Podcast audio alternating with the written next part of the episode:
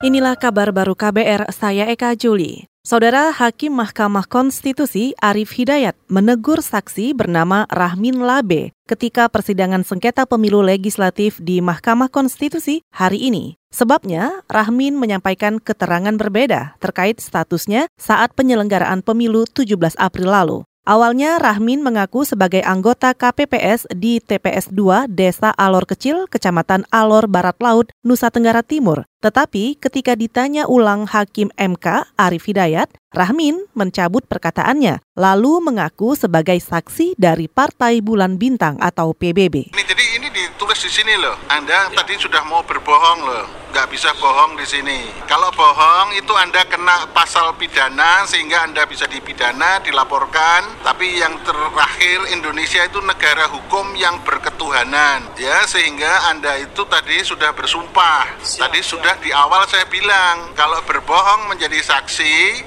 itu neraka pasti tidak terima, apalagi surga. Itu ya hati-hati ya, jangan berbohong ya. Hakim Mahkamah Konstitusi Arif Hidayat juga memastikan Rahmin anggota KPPS di Desa Alor Kecil, Nusa Tenggara Timur. Arif juga menegaskan kepada para saksi agar tidak berbohong ketika memberi keterangan dalam persidangan. Saudara Mahkamah Konstitusi hari ini memeriksa 24 perkara dari enam provinsi, yaitu Nusa Tenggara Timur, DKI Jakarta, Sulawesi Barat, Papua, Sumatera Barat, dan Sulawesi Tenggara. Badan Pusat Statistik atau BPS menyatakan indeks demokrasi Indonesia pada 2018 naik tipis dibanding 2017. Kepala BPS Suharyanto menerangkan, indeks demokrasi Indonesia tahun lalu mencapai 72,39 dalam skala 0 sampai 100. Suharyanto menyebut capaian itu masuk dalam kategori sedang. Indeks demokrasi Indonesia pada tahun 2018 adalah sebesar 72,39. Kalau kita bandingkan dengan posisi ID tahun 2017, berarti tahun 2018 kehidup indeks demokrasi Indonesia mengalami perbaikan perbaikan meskipun naiknya hanya sebesar 0,28 poin. Kepala Badan Pusat Statistik BPS Suharyanto menambahkan, Indeks Demokrasi Indonesia 2017-2018 dipengaruhi penurunan dua aspek demokrasi, yaitu aspek kebebasan sipil hak-hak politik. Sementara kenaikan Indeks Demokrasi Indonesia dicatatkan aspek lembaga demokrasi. Indeks Demokrasi Indonesia adalah indikator tingkat perkembangan demokrasi di Indonesia. Metodologi penghitungannya menggunakan empat sumber data, yaitu review surat kabar lokal, review dokumen, focus group discussion, dan wawancara mendalam. Saudara KPK hari ini memeriksa empat swasta dalam kasus dugaan korupsi proyek peningkatan Jalan Batu Panjang di Bengkalis, Riau. Selengkapnya kita dengarkan laporan jurnalis KBR Mutia Kusuma Wardani. Komisi Pemberantasan Korupsi KPK memeriksa empat swasta yang dianggap mengetahui perkara dugaan suap proyek peningkatan Jalan Batu Panjang Pangkalan Nyirih, Kabupaten Bengkalis, Riau. Adapun empat saksi itu di antaranya adalah General Manager Marketing PT Multistructure Jeffrey Roland Situmorang, Operasional Lapangan PT Mawatindo Road Construction Johan, dua wira swasta Henry Manatap Persaulian, dan Henry Sukardi.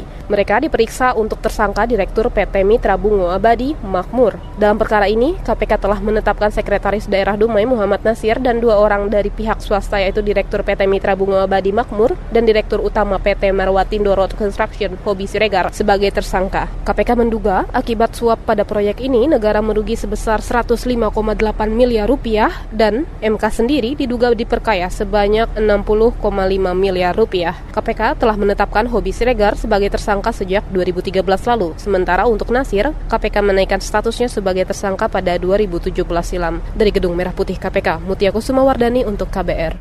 Kita ke informasi lain. Komisi Informasi DPR meminta pemerintah segera menuntaskan proyek Palaparing. Mengapa? Selengkapnya kita dengarkan laporan reporter Radio Jaringan Musyafa dari Radio R2B Rembang. Komisi 1 DPR RI terus mendorong Kementerian Komunikasi dan Informatika agar Indonesia mampu merdeka sinyal.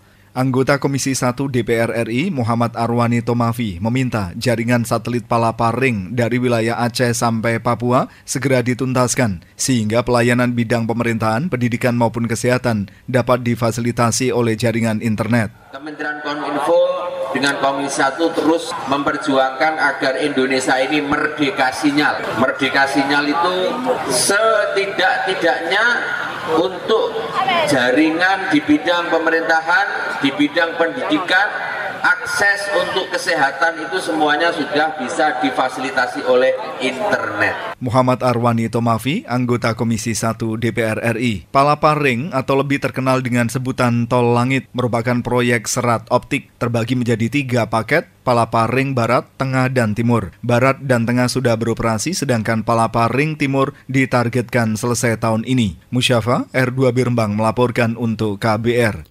Saudara demikian kabar baru, saya Eka Juli.